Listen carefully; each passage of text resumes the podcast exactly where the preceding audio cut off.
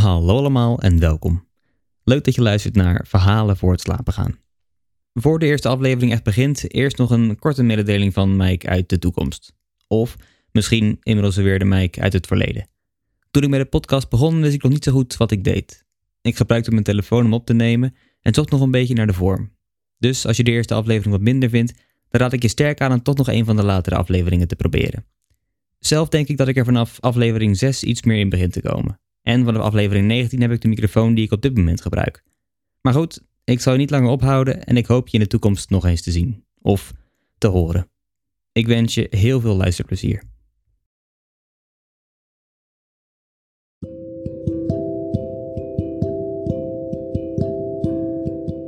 Hallo allemaal en welkom. Mijn naam is Mike en in deze eerste aflevering lees ik twee verhalen voor uit mijn eigen bundel. Dit is Verhalen voor het slapen gaan.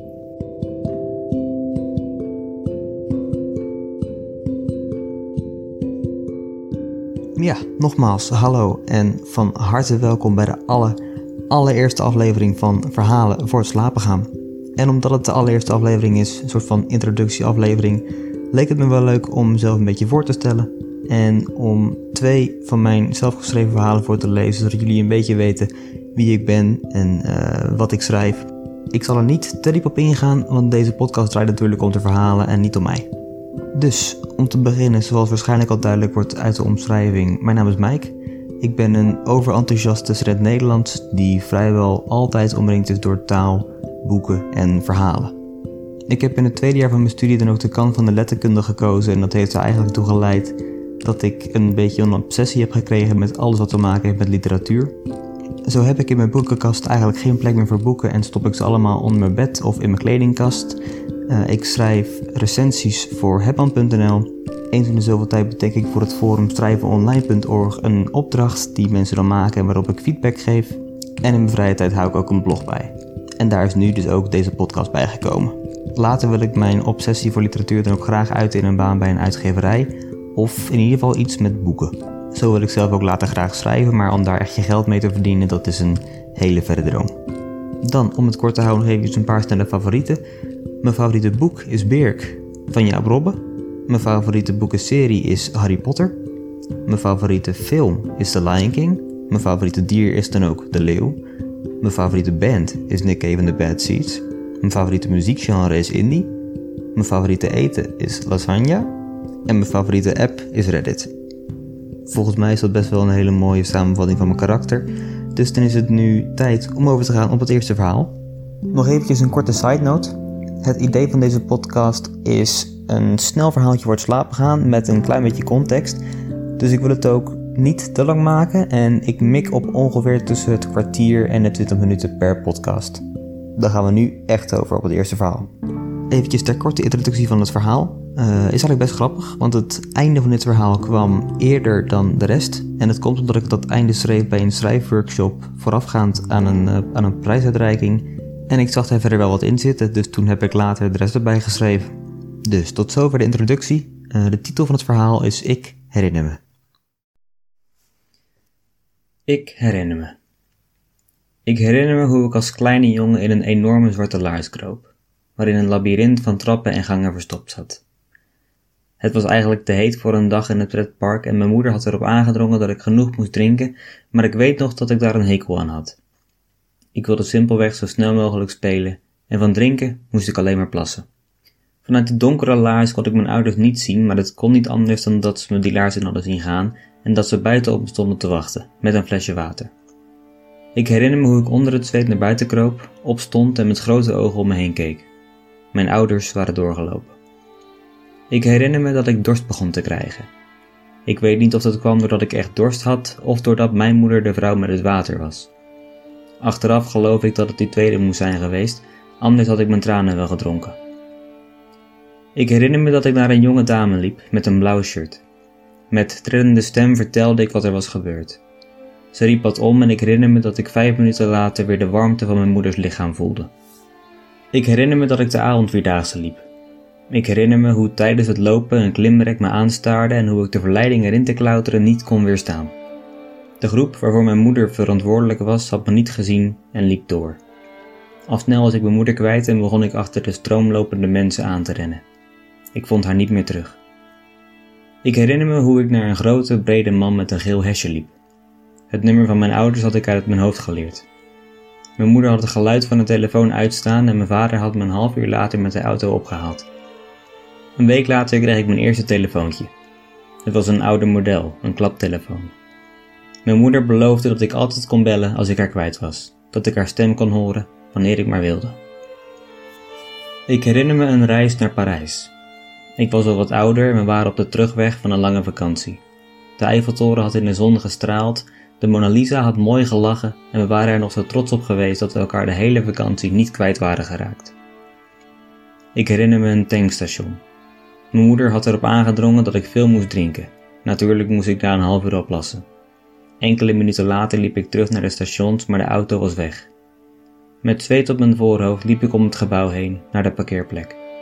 Ik heb tien minuten gezocht voordat ik moest toegeven dat ze waren weggereden. Ik herinner me dat ik met het klaptelefoontje belde, mijn moeders zachte lichte stem aan de andere kant van de lijn hoorde en een uur later tot mijn opluchting weer in de auto zat. Ik herinner me dat ik uit huis ging. De studie was aan de andere kant van het land en iedere dag heen en weer reizen was geen optie. Het was eng. Ik was nu verantwoordelijk voor mezelf. Er waren geen ouders meer om me op te halen als ik ergens was gestrand. Geen ouders om voor me te zorgen. Geen ouders die mijn rekeningen betaalden. Aan de andere kant, er waren geen ouders meer om kwijt te raken. Ik herinner me de belofte van mijn moeder, dat ik haar altijd kon bellen en haar stem kon horen. Dat was nu niet meer nodig. Ik kon alles zelf, dus ik stopte het oude klaptelefoontje dat ik al die jaren trouw had meegedragen, ergens diep weg in de kast. Ik herinner me een avond stappen in de stad van mijn studie. Het bier werd me te veel en nadat ik had overgegeven in het toilet van de stamkroeg besloot ik aanstalten te maken om terug naar huis te gaan. Niet naar mijn huis in Groningen, want ik was met mijn dronken kop vergeten dat ik daar een huis had. Ik herinner me dat ik hals over kop de trein naar Rotterdam haalde. Het was een lange rit, waardoor ik door het wiepelen van de trein bij aankomst alweer was ontnuchterd. Ik stapte uit en strompelde naar het volgende perron om daar de laatste trein naar mijn dorp te pakken. Net voordat ik in kon stappen gingen de deuren dicht en stoof hij weg in de donkerte van de nacht. Ik herinner me dat ik mezelf vervloekte. Mijn telefoon zat niet in mijn zak. De weg naar mijn dorp was ongeveer drie uur lopen, maar ik had geen zin om een slaap op een bankje in het centrum van Rotterdam te pakken, dus ik begon aan een lange tocht. Ik herinner me hoe ik drie uur lang haar stem miste. Hoe ik wenste dat ik mijn klaptelefoontje bij had en haar kon bellen. Niet eens dat ze me op kon halen, want ik was toch al aan het lopen, maar gewoon om nog eens haar stem te horen. Ik herinner me het telefoontje van mijn vader. Ik herinner me hoe zijn stem en mijn wereld haperde. Ik herinner me hoe ik op mijn bank zat in een grijze kamer. Ik herinner me hoe ik opstond en naar de kast liep, hoe ik het telefoontje pakte. Ik herinner me haar naam, mama. Ik herinner me hoe ik belde en hoe een oneindig lange toon aan de andere kant van de lijn antwoordde.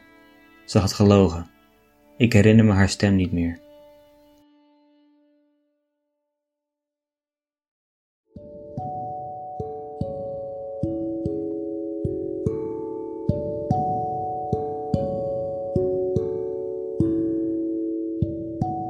Zo, dat was het eerste verhaal. Uh, eventjes een snelle disclaimer: het is fictie. Mijn moeder leeft gelukkig nog, dus uh, daarover hoef je je geen zorgen te maken. Dat is overigens best wel grappig, want bij de workshop kregen we de opdracht om een verhaal te schrijven uit zinnen die iedere keer begonnen met ik herinner me. En dat moesten allemaal herinneringen zijn uit ons echte leven. Dus toen ik dit opschreef, wat ik wilde fictie schrijven, um, en ik ging het voorlezen aan de groep, toen keken ze me ineens allemaal heel erg zielig en sip aan. Want niemand wist natuurlijk dat ik, uh, dat ik fictie had geschreven, dus toen dachten ze allemaal dat ik mijn moeder had verloren. Dus ik kon bijna mijn lach niet inhouden, maar ik heb het verder niet verteld. er zijn nu een stuk of twintig personen op de aarde die denken dat ik uh, geen moeder meer heb. Maar goed, tot zover de disclaimer. Het is dus best wel interessant dat het einde van dit verhaal als eerst was geschreven uh, en later pas dus de rest erbij kwam. Dat laat ook zien dat een verhaal op veel verschillende manieren gemaakt kan worden. Ik vond op dat moment het beeld van, uh, van een jongen die zijn moeder verliest en haar probeert op te bellen, vond ik een heel interessant beeld. En pas later kwam daar de rest bij. En het is best wel ironisch dat heel veel van de gebeurtenissen die ik later bij heb geschreven wel non-fictie waren, deels. Dus eigenlijk heb ik de hele opdracht omgedraaid. Wat wel fictie moest zijn, heb ik non-fictie gemaakt. En wat non-fictie moest zijn, heb ik fictie gemaakt. Verder wordt er in het verhaal ook vooral gespeeld met herinnering. Zo vond ik bijvoorbeeld een mooi beeld dat je iets wat je je hele leven hoort, de stem van je moeder, uh, je niet meer zou kunnen herinneren. En dat dat dan juist hetgeen is wat je het meeste mist. Dus ja, met die idee heb ik een klein beetje gespeeld in dit verhaal. Gelukkig is het belangrijkste gedeelte fictie. Het volgende verhaal is gelukkig helemaal fictie en het zou best wel problematisch zijn en zorgwekkend als het non-fictie was. Het gaat namelijk over een man die een relatie krijgt, soort van met een robot die iets weggeeft van zijn ex. En omdat dat waarschijnlijk een omschrijving is die heel veel vragen oproept, zal ik er verder maar niks over zeggen en jullie gewoon in het tweede verhaal gooien. Het heet Hou me vast. Hou me vast. Ik had nooit gedacht dat de perfecte vrouw in een doos voor mijn deur zou worden afgeleverd. Nog geen twee weken geleden heb ik haar op een Chinese site tot op de sproet ontworpen. Alles kon ik naar wens aan haar aanpassen, ook de grootte van haar borsten. Terwijl ik daarmee experimenteerde, verscheen er aan de zijkant van het scherm een tekstholk. Wist u dat onze robots ook te gebruiken zijn als minnares? Ik heb de borsten toen maar verder zo gelaten, hoewel ze misschien net iets te groot waren. Ik sleep de doos naar binnen, zet hem in het midden van de kamer en neem zelf plaats op de bank. Minutenlang staar ik naar het karton. Hoe langer ik blijf zitten, des te meer ik het gevoel krijg dat de doos besmet is met een virus, of dat er elk moment tien gremlins uit zouden kunnen kruipen. Het is als de brief die je op de deurmat laat liggen, omdat je weet dat het je ontslagbrief is, zodat je nog even in de overtuiging kunt leven dat je nog een baan hebt. Toch komt er een moment waarop ik de doos open, alles voorzichtig op de vloer leg en begin met bouwen. Ik heb weinig aan de gebruiksaanwijzing. Het is alsof ik een meubel van de IKEA in elkaar aan het zetten ben, maar in plaats van planken en schroeven zijn het benen, armen, gewrichten en tientallen in elkaar bestrikt geraakte draadjes. De grote ledematen zijn gelukkig reeds voorgekoud. Het hoofd is precies zoals ik me had voorgesteld. Blond haar, blauwe ogen, een paar onschuldige sproetjes op haar wangen en een deukje op het puntje van haar neus. Het vastmaken van haar benen en voeten aan haar lichaam bewaar ik voor het laatst, zodat ik zo min mogelijk hoef te blozen. Na drie moeizame uren is ze eindelijk af. Ze ligt op de grond en ik wil haar het liefst gelijk aanzetten om tegen haar te praten, haar misschien zelfs kort aan te raken, maar eerst moet ze opladen. Mijn geduld voor de liefde wordt weer eens flink op de proef gesteld. Voordat ik haar aanzet, haal ik Eva's portret van de muur, draai het om en hang het weer terug. Wellicht zou haar de gelijkenis zijn opgevallen. Misschien dat ze vragen zou zijn gaan stellen. Haar ogen schieten open. Ik zet verstrikt een paar stappen achteruit, strijkel bijna over de kartonnen doos. Ze draait haar hoofd mijn kant op. Hallo, het is een prachtige dag. Ik werp een blik naar buiten, regendruppels spatten uit elkaar op de straat. Wilt u mij een naam geven? vraagt ze. Haar stem klinkt blikkerig. Zeg maar je. Even denkt ze na. Weet u zeker dat u mij zeg maar je wilt noemen? Ik zucht. Nee. Een naam. Ik heb er nog niet over nagedacht en kan ook nu niks verzinnen. Alle namen die in mijn hoofd naar voren komen, zijn niet goed genoeg, te simpel. Ik sta ervan versteld hoeveel waarde ik hecht aan de benaming van een robot, alsof de naam de doorslaggevende factor is in haar kant van slagen. Iemand heeft me ooit gezegd dat je huisdieren nooit een naam moet geven, omdat het dan alleen maar lastiger wordt om er uiteindelijk afscheid van te nemen. Eva. Je naam is Eva. Wederom is ze even stil. Je kunt de raderen in haar hoofd horen draaien, maar ik probeer er niet naar te luisteren. Weet u zeker dat u mij Eva wilt noemen? Het voelt alsof ik tegen een Windows-computer sta te praten en nee, natuurlijk weet ik het niet zeker. Ja, zeg ik. Vroeger ging ik altijd zeilen. Eerst met mijn vader en later, toen hij er niet meer was, met Eva. Mijn vader zorgde voor het eten en drinken, ik voor de films en de spelletjes. Vrijdag na school voeren we dan de oude haven uit en laat op zondag kwamen we weer terug. Vaak dobberden we op stille wateren, waar niemand te bekennen was. Alleen mijn vader en ik en de miljoenen vissen onder het wateroppervlak. Het leerde me hoe alleen je met de tweeën kunt zijn. Toen mijn vader overleed heb ik het enkele malen alleen geprobeerd, maar het bleek al snel dat alleen zijn leuker is met z'n tweeën. De boot is nu al een tijd niet meer in gebruik, maar hij ligt nog steeds in de haven. Ik ben ochtends vroeg mijn bed uitgegaan, heb Eva voor de verandering niet aangezet en ben naar de oude haven gereden. Het gereedmaken van de boot neemt de hele ochtend in beslag. Op de terugweg rijd ik overal boven de snelheidslimiet. Eenmaal thuis aangekomen ren ik de trap op en in de slaapkamer tref ik Eva in een diepe slaap. Eva, zeg ik. Ze beweegt niet. Eva, wakker worden. Ik loop naar de rand van het bed. Ah, natuurlijk, haar lampje brandt niet. Klik. Aan. Eva? Goedemorgen, het is een prachtige dag. Zeg dat wel. Kan ik iets voor u doen? Ik heb de zeilboot klaargemaakt. We gaan een dagje zeilen. Het is even stil.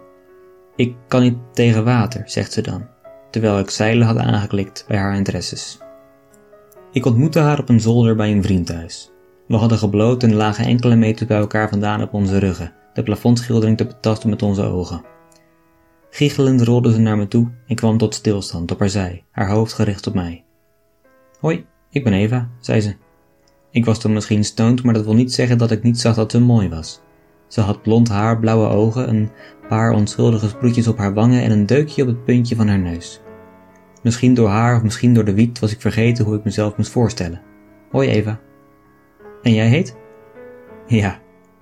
Wat? Ik heb het ook heet. Ze schoot in de lach. Nee, gek, je naam. Ik moest even nadenken. Bart. Jammer dat je geen adem heet. Ja, dan waren we perfect geweest. Ze draaide zich op haar rug. Bart, wat zie jij als je naar het plafond kijkt? Een zeilboot op zee. Dat lijkt me prachtig, zei ze. In je eentje stoeien met het water, mens tegen natuur. Ik ga eigenlijk nooit alleen. Vroeger ging ik met mijn vader, maar nu hij er niet meer is, ga ik liever niet. Waarom niet? Alleen zijn gaat beter met een tweeën, vooral op zee. Heb je de boot nog? Ik knikte. Mag ik eens mee? vroeg ze. Ik keek naar haar en zag dat ze het meende. Als ik nu terugdenk aan die eerste periode dat we samen waren, is het allemaal wat wazig. Maar ik weet nog wel dat het precies zes tripjes met de boot duurde voordat ze een keer bij me thuis kwam. Ze had een portret van zichzelf meegenomen. Hier, had ze gezegd. Nu kun je me altijd vasthouden, ook als ik er even niet ben.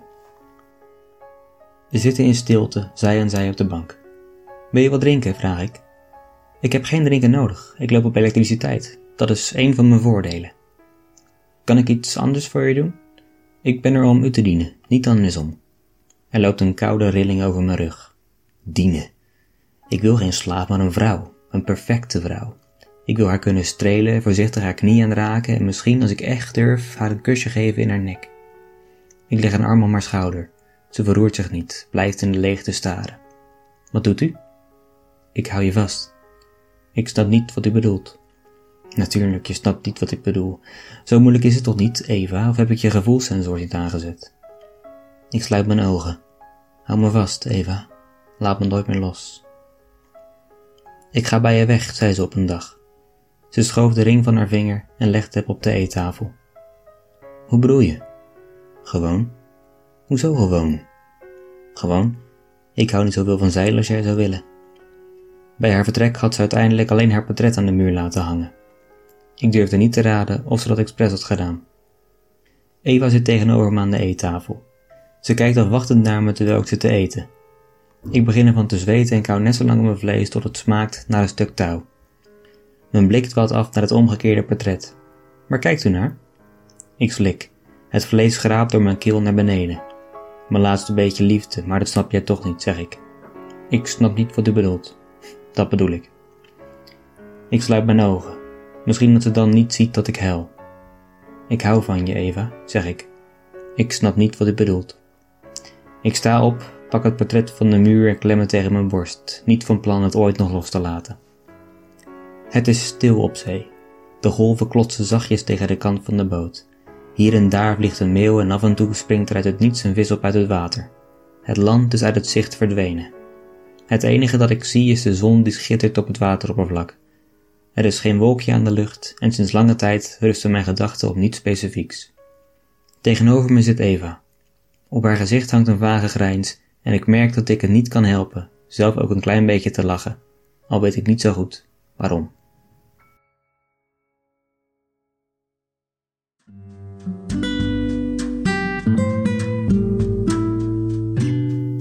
Dus, dat was Hou me vast. Een verhaal over een man die liefde verwart met een perfecte vrouw.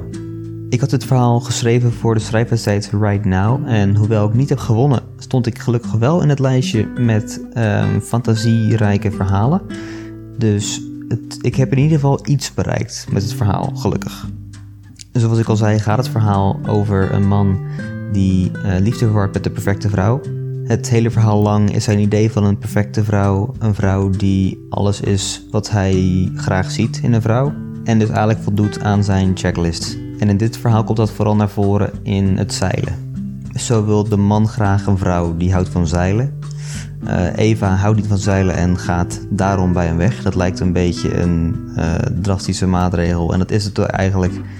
Daarmee probeerde ik eigenlijk te zeggen dat Eva bij hem wegging omdat hij een verkeerd beeld heeft van, uh, van de perfecte vrouw. En in de rest van het verhaal realiseert de man zich dan ook dat de perfecte vrouw niet is wat hij denkt dat het is. Hij heeft de perfecte tussenhaakjes vrouw gecreëerd op een Chinese site.